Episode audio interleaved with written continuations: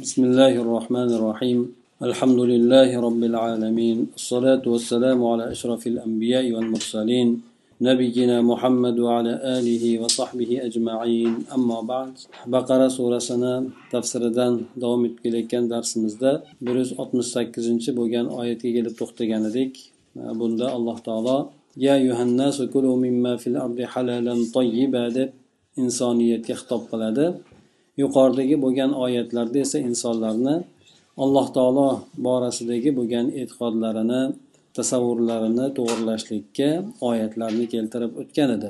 Ana endi esa o'sha yer osmonlarni yaratgan zot tomonidan sizlarga nima narsa halol qilingan bo'lsa o'sha narsani iste'mol qilinglar.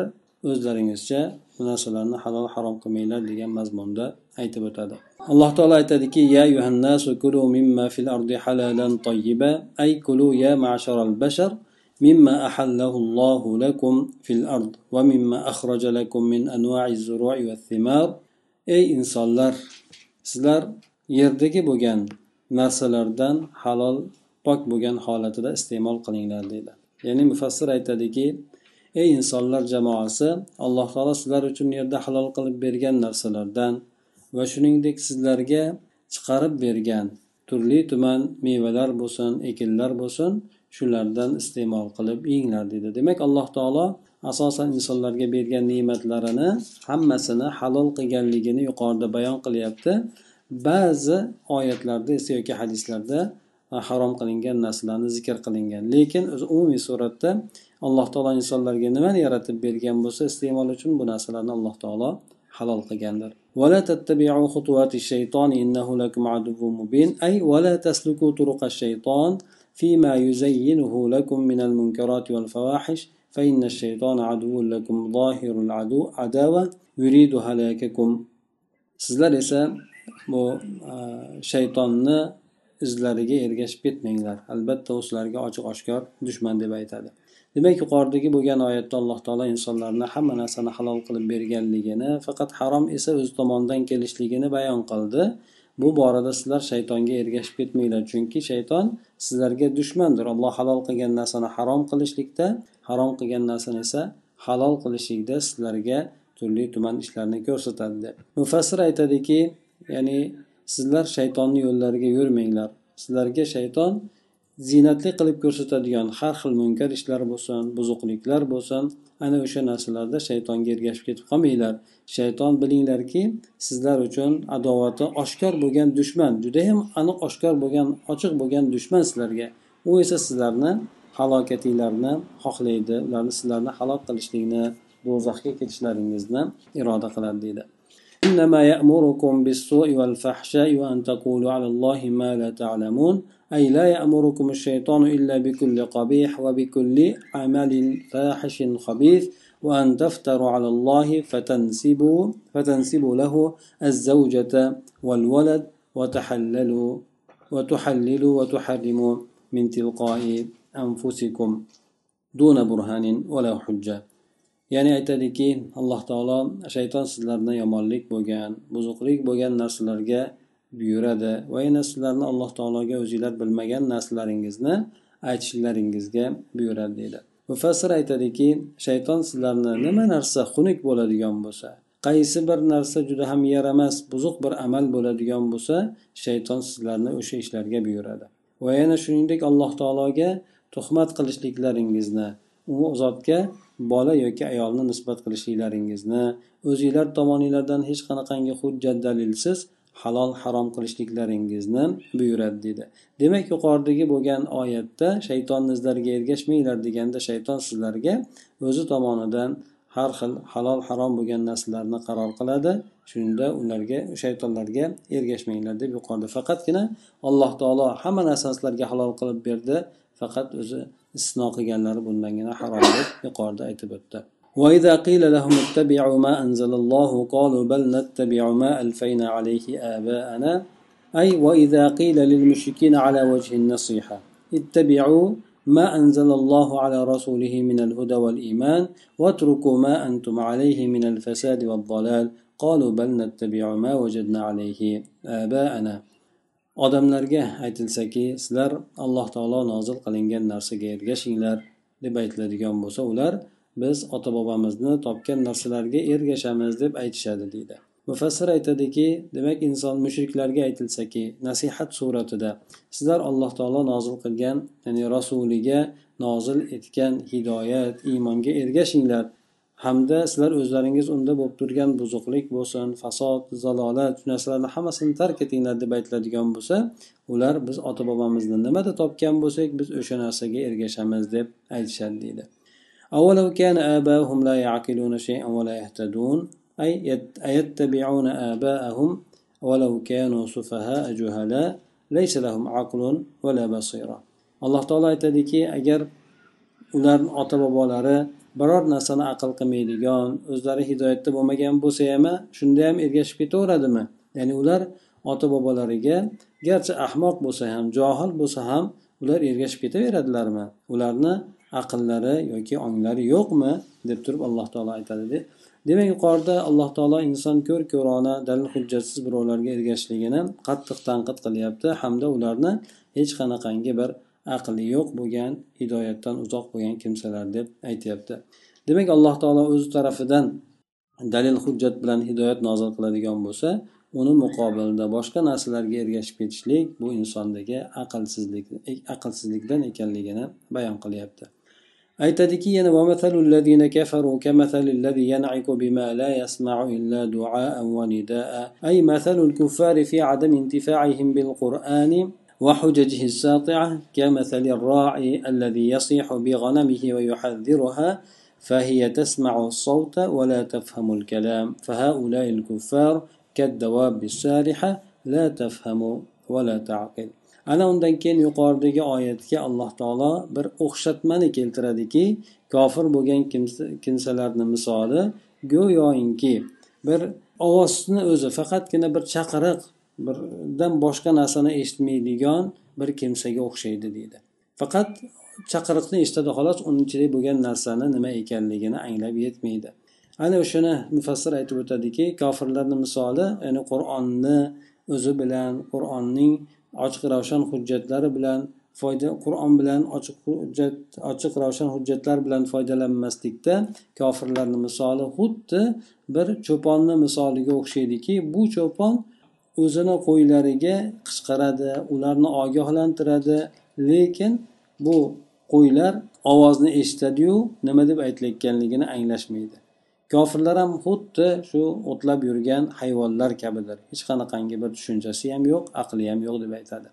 Demak hayvonlarga cho'pon odam baqiradigan bo'lsa go'yoki hayvonlar to'xtashligi bu yerda cho'ponni gapini anglashligidan emas balki ovozni kelganligidan bo'ladi. Ehtimol o'sha narsadan qo'ylar boshqa tomonga o'tib ketishlikka ketib qolishlikka to'xtashligi mumkin lekin bu yerda ular tushunganligidan emas faqatgina ovozni eshitganligidan bo'ladi xolos. Ular aql qilmaydida shuning uchun ovoz to'g'risida fikr ham qilib yurishmaydi. Ana o'shanday kofirlarni misoli ularga aytilayotgan o'qilayotgan tilovat qilinayotgan qur'on borasida qur'ondagi hujjatlar borasida bular go'yoki eshitib unda fikr yuritmaydigan odamlarga o'xshaydi. Bular misoli xuddi qo'yni ya'ni podada yurgan qo'ylarga o'xshaydiki cho'ponni faqat ovoziga e'tibor qiladi lekin u narsani nima deb aytilayotganligini fikr qilishmaydi yoki anglashmaydi deydi ayhum kassommi كالصم لا يسمعون من يدعوهم إلى الهدى والخرس لا ينطقون بخير وكالعمي لا يبصرون طريق الرشاد ular hidoyatga chaqirayotgan odamni eshitmaydigan bir kar yoki bo'lmasa yaxshilikni gapirmaydigan soqov hidoyat yo'lini to'g'rilik yo'lini ko'rmaydigan bir ko'zi ojiz kimsalar kabidir deydi. Demak bular ag'biya la yaqilun kofirlar aql yuritmaydigan bir ahmoq tentak bo'lgan odamlardir. Bularni alloh taolo hayvonlarga hech ham aql qilmaydigan ya'ni ularga nima deyilayotganligini aql qilmaydigan bir hayvonlarga yoki chorvalarga alloh taolo ularni o'xshatyapti deydi. Demak yuqorida hayvonlarni hayoti to'g'risida ham alloh taolo keltirib o'tgan paytda ba'zi oyatlarda ular ya'ni xuddi hayvonlar yeb yashayotgani kabi ular yeb yashaydilar dedi. Yashashlik suratida ham xuddi shunaqangi chunki ularni maqsadi yo'q hayotda yashayotgan allohga ibodat qilishlik degan xuddi shuningdek ularga hidoyat yoki bo'lmasa ularga iymon keladigan bo'lsa unday bo'lgan narsalarni tafakkur qilmasdan ko'r ko'rona o'sha ota bobolarni topgan narsasiga ko'ra yashashligini alloh taolo bu yerda aqlsizlik deb ularni hayvonlarga o'xshatyapti. يا أيها الذين آمنوا كلوا من طيبات ما رزقناكم واشكروا لله إن كنتم إياه تعبدون. أي كلوا يا معشر المؤمنين من الرزق الحلال الذي رزقكم الله إياه من أنواع اللذائذ الطيبة واشكروا ربكم على نعمه الجليلة. إن كنتم حقا تعبدونه ولا تعبدون معه غيره. Ana undan keyin alloh taolo mo'minlarga xitob qildi. Yuqoridagi bo'lgan oyatda butun insoniyatga xitob qilib ular uchun alloh taolo katta bir ne'matlarni berib qo'ygan ekanligini bayon qildi. Lekin ular allohni rizqidan ne'matlangan holatda lekin diniga ergashmaganligi uchun ularni hayvonga o'xshatdi alloh taolo. Quyida esa mo'minlarni alloh taolo o'ziga yaqin bo'lgan sifat bilan chaqirdiki bularni ham alloh taolo biz sizlarga rizq qilib bergan pokiza bo'lgan narsalardan yenglarda alloh taologa ibodat qiladigan bo'lsalaringiz bergan ne'matlariga shukrona aytinglar deb turib ularga xitob qiladi. Ey mo'minlar jamoasi sizlar alloh taolo sizlarga rizq qilib bergan halol rizqlardan yenglar. Turli tuman bir pokiza bo'lgan lazzatli bo'lgan taomlardan yenglar. Mana shunday berib qo'ygan buyuk ne'matlariga ko'ra alloh taolo robbilaringizga shukur aytinglar. Agar sizlar haqiqatdan alloh taoloni o'ziga ibodat qilib undan boshqasiga sig'inmaydigan bo'lsalaringiz deydi. Demak bu yerdagi oyatda aytib o'tganimizdek mo'minlarga alohida xitob qilinishligini sababi alloh taologa ular ibodat qilib ya'ni rosmona inson tabiatida ekanligini ishora qilinayotgan bo'lsa yuqoridagilar alloh taolodan boshqaga ibodat qilib allohni rizqidan yeb boshqaga ibodat qilayotganligi boshqa narsaga sig'inayotganligi uchun ularni aql qilmaydigan hayvonlar deb misol keltirdi إنما حرم عليكم الميتة والدم ولحم الخنزير وما أهل لغير الله به أي ما حرم ربكم عليكم إلا كل قدر خبيث ضار بكم ضار بكم مثل الميتة والدم ولحم الخنزير وما ذبح للأصنام والأوثان أو ذكر عليه اسم غير الله كاللات والعزى والشيطان ana undan keyin alloh taolo yuqoridagi oyatda hamma narsani musulmonlarga yaratib berganligini o'sha yaratib bergan narsalardan rizq qilib berganlarni yenglar deb aytib umumiy suratda hamma narsani halol degandan keyin ba'zi bu harom bo'lgan narsalarni bayon qilib aytdiki robbilaringiz sizlarga har bir xunuk yomon bo'lgan hamda sizlarga zararli bo'lgan najas bo'lgan narsalarni harom qildi. Bular o'laksa kabi. Qon. Bu yerda qondan murod e, so'yilgan paytda chiqadigan qon. Chunki boshqa oyatlarda dam masfuh deb aytiladi. Masfuh deganda so'yilgan qonda aytiladi hamma qonni ham emas. Chunki ba'zi qonlar ruxsat berilgan masalan jigarda bo'ladigan bo'lsin yoki mol so'ygandan keyin qo'y so'ygandan keyin qoladigan go'shtni atrofida qoladigan qonlar bo'lsin. Bularni halol qilindi lekin so'ygan paytda chiqadigan qonni harom qilingan. Ana o'sha bu yerda iroda qilinyapti. Hamda cho'chqani go'shtini keltirib o'tyapti. Cho'chqa go'shtidan murod asosan iste'moli cho'chqa go'shti bo'lganligi uchun aks holda uni qonlari ham yoki bo'lmasa yog'lari ham boshqa undan olinadigan narsalar ham hammasi shu e, harom e, e'tibor qilinadi. Ya'ni faqatgina go'shti emas. Ya'ni bu narsalarni hop o'zidagi bo'lgan zarar sabablik harom qilingan bo'lsa ana undan keyin allohdan boshqaga atab so'yilgan narsalar. Bu narsalarni jinsi o'sha e'tiqodga ta'sir qiladigan bo'lganligi uchun alloh taolo bu narsalarni ham harom qildi. Garchi o'zida bo'lmasa ham masalan qo'y so'yiladigan bo'lsa iste'mol qilishlik mumkin lekin allohdan boshqaga atab so'yiladigan bo'lsa uni iste'mol qilib bo'lmaydi chunki insonni e'tiqodiga zarar qiladi. Insonni jismiga emas ha? Cho'chqa yoki boshqa narsalar insonni jismiga ham zarar qiladi. Shuning uchun ikki tomonlama ham jismiga zarar qiladigan insonni hamda uni e'tiqodiga zarar qiladigan narsalarni alloh taolo harom qilgan ekan. Demak butlarga sanamlarga atab so'yilgan alloh taoloni nomi aytilmasdan zikr qilinma e, allohdan boshqasini nomi zikr qilib so'yilgan narsalar bular.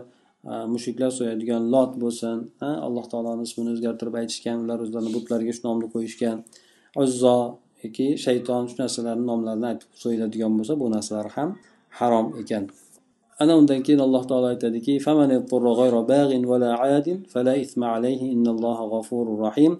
أي فمن ألجأته الضرورة إلى أكل شيء من هذه المحرمات بشرط ألا يكون ساعيا في فساد ولا متجاوزا مقدار الحاجة والضرورة فلا عقوبة عليه لأن الضرورات تبيح المحظورات والله عظيم المغفرة واسع الرحمة ana undan keyin alloh taolo harom qilgan narsalarni bayon qilgandan keyin ba'zan insonni holati shunday bir holatga majbur bo'lib qolishi mumkinki hech narsa topolmasdan o'sha o'lakchadan boshqa yoki harom bo'lgan narsadan boshqasi insonga uchramasligi mumkin. Demak shariat e, insonni har xil holatdagi e, holatlar har xil holatlarni e'tiborga olgan shariat insonlarni bir juda yam siqinti bir holatga qo'yib qo'ymagan balki insonlar holatiga rioya qilib turib ularni hayotida kechadigan har xil holatlarda agar mabodo inson e, harom narsani yeyishlikka majbur bo'lib qoladigan bo'lsa bunda iste'mol qilishligi hamda insonga zarar bo'lmasligini aytib o'tyapti. Kimki zarurat o'sha yuqorida harom qilingan narsalardan birontasini yeyishlikka insonni majbur qilib qo'yadigan bo'lsa.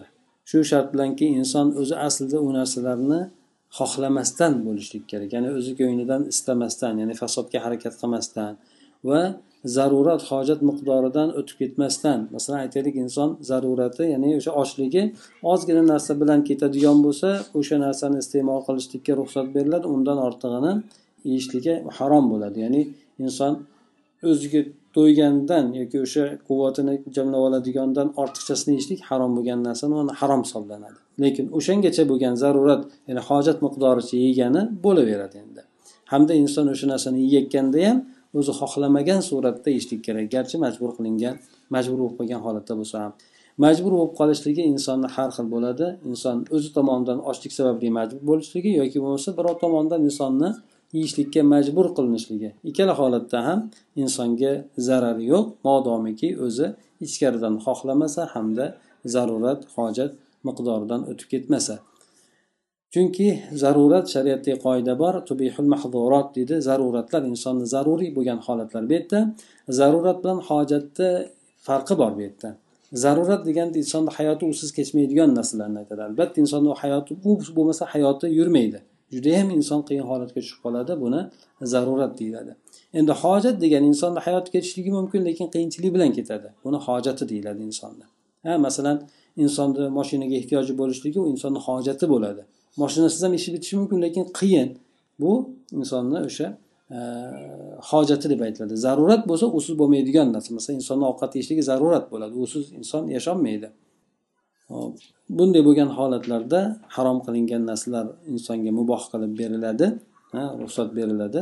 Alloh taolo mag'firati keng buyuk bo'lgan rahmati keng bo'lgan zotdir deydi. Demak alloh taolo mana shunday bo'lgan holatlarda insonni gunohkor qilmaydi. Endi o'sha narsalarni zararliligi bo'ladigan bo'lsa yuqorida aytib o'tgan narsalarni albatta zararliligi qoladi. Garchi inson zarurat jihatidan o'sha cho'chqa go'shtini yeydigan bo'lsa ham lekin cho'chqani zararliligi insonga qoladi faqat bu yerda ketadigan narsa insondagi gunohkorlik ketadi o'sha narsani iste'mol qilishlik bilan إن الذين يكتمون ما أنزل الله من الكتاب ويشترون به ثمنا قليلا أي يخفون ما أنزل الله في آياته البينات من أحكام الدين وصفة خاتم المرسلين طمعا في حطام الدنيا أنا أندنكن الله تعالى ينا أشى أهل كتاب لرجع خاصة yahudlarga xitob qilgan holatda o'shalarni kirdikorlarni ochgan holatda aytadiki alloh taolo o'zi tomonidan nozil qilgan kitobni yashirgan kimsalar va uni arzon bahoga sotib yuborgan kimsalar deb aytadi. Demak alloh taolo o'zini ochiq bo'lgan ochiq ravshan bo'lgan oyatlarida nozil qilgan din hukmlari bor. Hamda payg'ambar sallallohu alayhi vasallamni sifatlari bor. Ana o'sha narsalarni dunyo matosiga tama qilib o'sha narsadan umidvor bo'lib bekitgan kimsalar. Bular yuqorida aytib o'tilgan oyatlarda ham kelgandek yahudlar asosan shuningdek xristianlarda ham bo'lgan lekin asosan yahudlarda bo'lgan. Bular payg'ambar sallallohu alayhi vasallamni sifatlarini ham yashirishgan kitoblarda kelgan shuningdek din hukmlarini ham o'zgartirishgan kerak bo'lganlarini yashirishgan. Ana o'shalarda alloh taolo aytadiki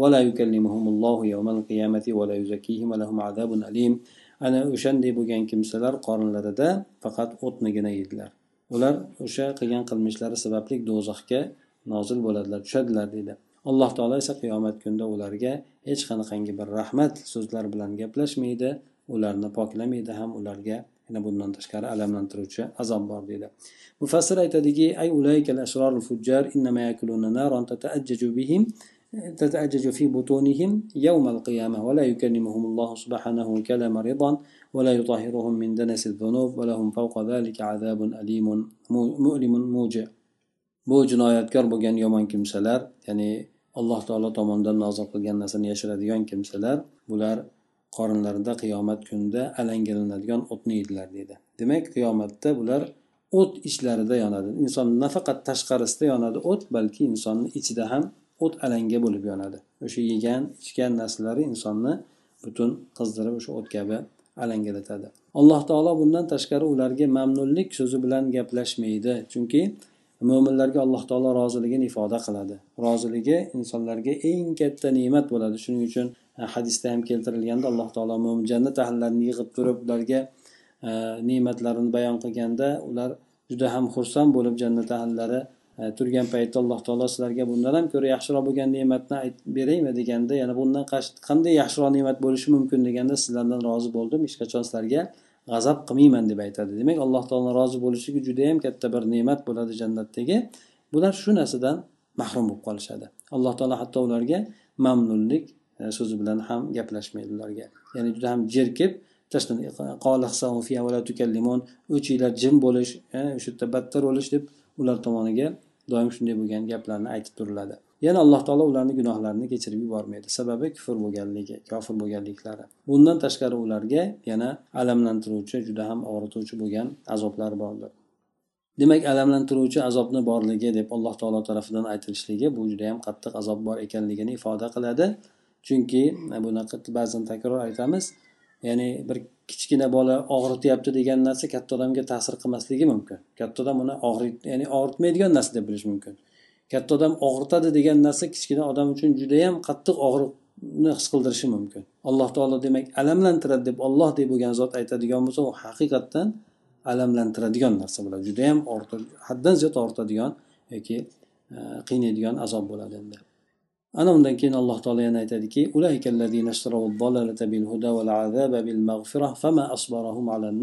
أي أخذوا الضلالة بدل الهدى والكفر بدل الإيمان فما أشد صبرهم على نار جهنم وهو تعجيب من جرأة أولئك الفجار demak bu oyatda alloh taolo aytadiki ana o'sha kimsalar yuqoridagi bo'lgan kimsalarni nima uchun do'zaxga tushishligi sababi bular hidoyatni qo'yib zalolatni olishgan mag'firatni qo'yib azobni tanlashgan.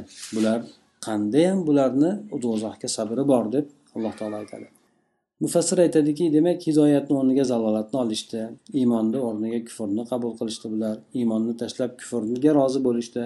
Bular endi shunday qilishligi bilan hidoyatga chaqirilib iymonga chaqirilishlikda hamma narsani tashlab kufr zalolatni iroda qilganligida jahannam azobiga bular qatdayam sabr ularni qattiq ekan. Ya'ni bularda nima narsa jahannam azobiga sabr qilishlikka undayapti ekan. Ha? Ya'ni hay bo'pti bo'lsa bo'pti mayli deb turib bular shunchalik darajada jahannamga sabr qilolmaydimi jahannam o'tiga. Bular shunday aytayotgan qilayotgan narsalari bilan deydi.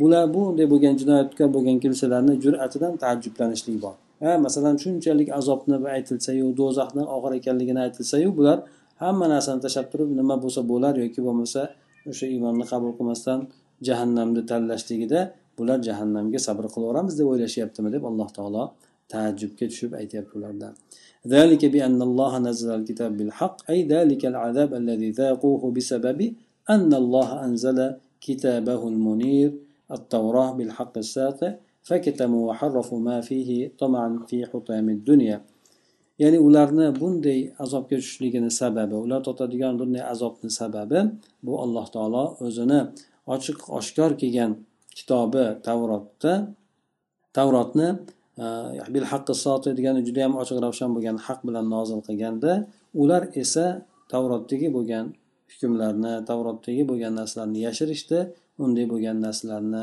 o'zgartirib tashlashdi.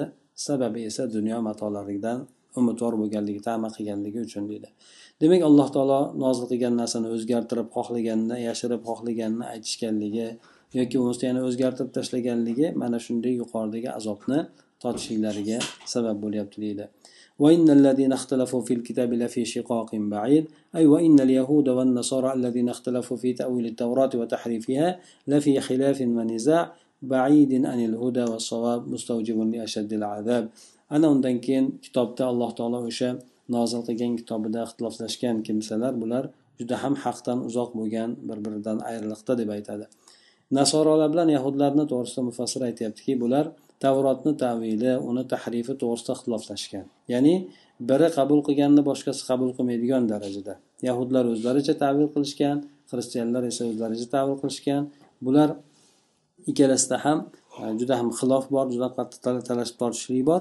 Lekin ikkalasi ham borib turgan joyi hidoyatdan uzoqlikda to'g'rilikdan uzoqdalar. Ular ham bular ham hidoyatdan to'g'rilikdan uzoqda bo'lib qolishgan. Ming ixtiloflashgan lekin musulmonlarni o'rtasidagi bo'lgan ixtilofda u tomon ham bu tomon ham ixtilof qilgan lekin hidoyatdan uzoq bo'lmagan holatda. Faqat tafsiri yoki bo'lmasa o'shani qanday tatbiqi borasida ixtilof qilgan bo'lsa bular hidoyat qolib o'sha kitob qolib bular kitobdan tashqi bo'lgan narsalarda bir biri bilan xilof qilib nizolashib ketishgan shuning uchun bularni bunday nizolashligi azobni eng qattig'ini o'ziga jalb qiluvchidir deb aytadi ليس البر أن تولوا وجوهكم قبل المشرق والمغرب الخطاب لليهود والنصارى المختلفين في كتابهم اختلافا كبيرا والمعنى ليس فعل الخير والعمل الصالح محصورا في توجه الإنسان في صلاته جهة المشرق أو المغرب فإن أمر القبلة جزء يسير من أمر الدين bu yaxshilik degani bu bor yo'g'i mashriq yoki mag'rib tomonga qarab yuzni burishlikda emas. Ya'ni bu yerdagi xitob yahud nasorolarga chunki ular musulmonlar bilan ham yuqoridagi bo'lgan oyatlarda keldi deganda.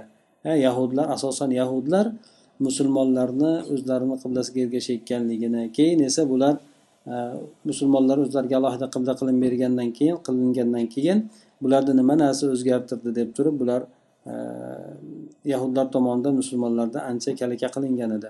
Ana o'sha narsalar to'g'risida alloh taolo aytadiki e, demak bular aslida yahud nasorolar o'zlarini kitoblarida juda yam qattiq ixtilof qilishgan. Bularni gapi bo'yicha butun yaxshilik o'sha yuzni mashriq yoki mag'rib tomonga burishlikni o'zi emas yoki bo'lmasa faqatgina e, yaxshi amal ham mana shu narsani o'ziga namozni ichidagina inson mashriq yoki mag'rib tomoniga yo'nalib qo'yishligiga chegaralanmagan balki qibla ishi bor yo'g'i din ishidan bir kichkinagina bir bo'lak xolos.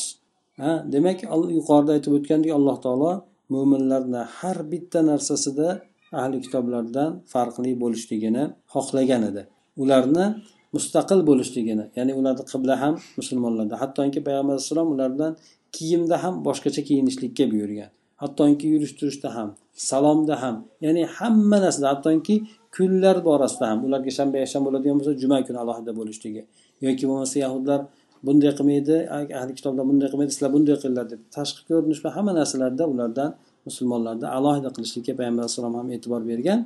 Shuning uchun e, bu ummat mustaqil bo'lgan ummat hamma narsasida lekin bundagi bo'lgan bor yaxshilik faqatgina u bir narsaga chegaralanmaganki balki asosiy bo'lgan yaxshilik yahud nasorolar chetda qolayotgan alloh taologa haqiqiy bo'lgan suratda iymon keltirishlik oxirat kuniga iymon keltirishlik farishtalarga kitoblarga payg'ambarlarga iymon keltirishlik deb aytadi. Yana davom ettirib aytadiki mufassir aytadiki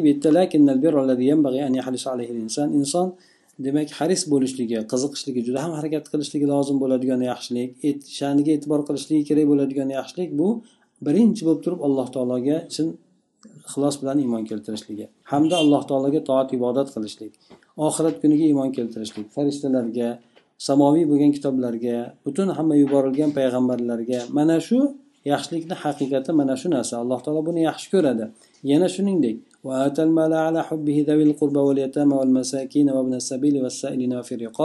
inson o'zi yaxshi ko'rishiga qaramasdan turib mol mulkidan qarindoshlariga berishligi yetim miskin bo'lgan kimsalarga hamda musofir bo'lgan tilamchi bo'lgan kimsalarga berishligi qullarni ozod qilishligi deb aytadi.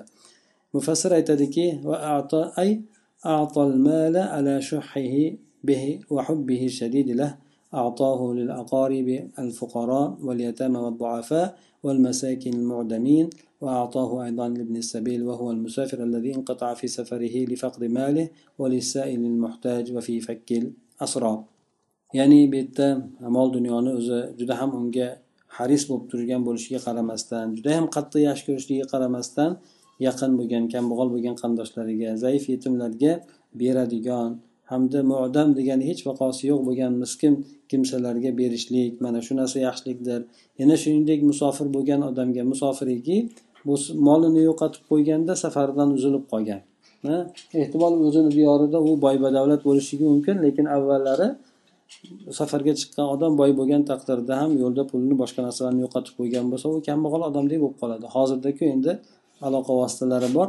Masalan e, yuborishligi yoki shu hisob hisobiga o'tkazib qo'yishligi mumkin lekin avvalda bunaqa narsalar bo'lmaganligi uchun o'shanday musofirlarga ham berishlikka aytilgan.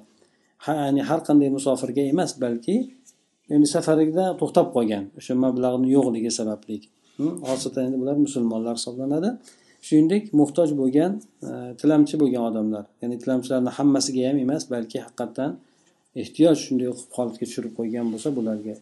Yana fir riqobni qul ozod qilishlik yoki bo'lmasa asrlarni ozod qilishlikda sarf etadi deydi asrlarni ozod etishlik bu qullarni ozod etishlikdan ko'ra muhimroq sanaladi. Chunki asr musulmon bo'lib dushmanni qo'liga tushib qolgan kimsa hisoblanadi. Qul esa ya'ni musulmonlarni qo'lida turgan qulni ham ozod qilishlik tushunilaveradi. Ya'ni yana shuningdek yana yaxshilik bo'lgan narsa inson namozni barpo qilishligi zakotni berishligi ya'ni o'ziga farz qilingan namozni eng mukammal bo'lgan suratda ado etishligi zakotni molini zakotini o'sha haqli bo'lgan fuqaro miskinlarga berishligi yuqoridagi bo'lgan e, nima? E, faqat nafaqat zakot balki yerda ya'ni ehson sadaqa ham e'tibor qilinaveradi. Yana qaytadan zakotini berishligi unda insonga farz qilingan zakoti bo'ladi. Yana shuningdek musulmonlarni e, ya'ni yaxshi qiladigan yaxshiliklar to'g'risida aytadiki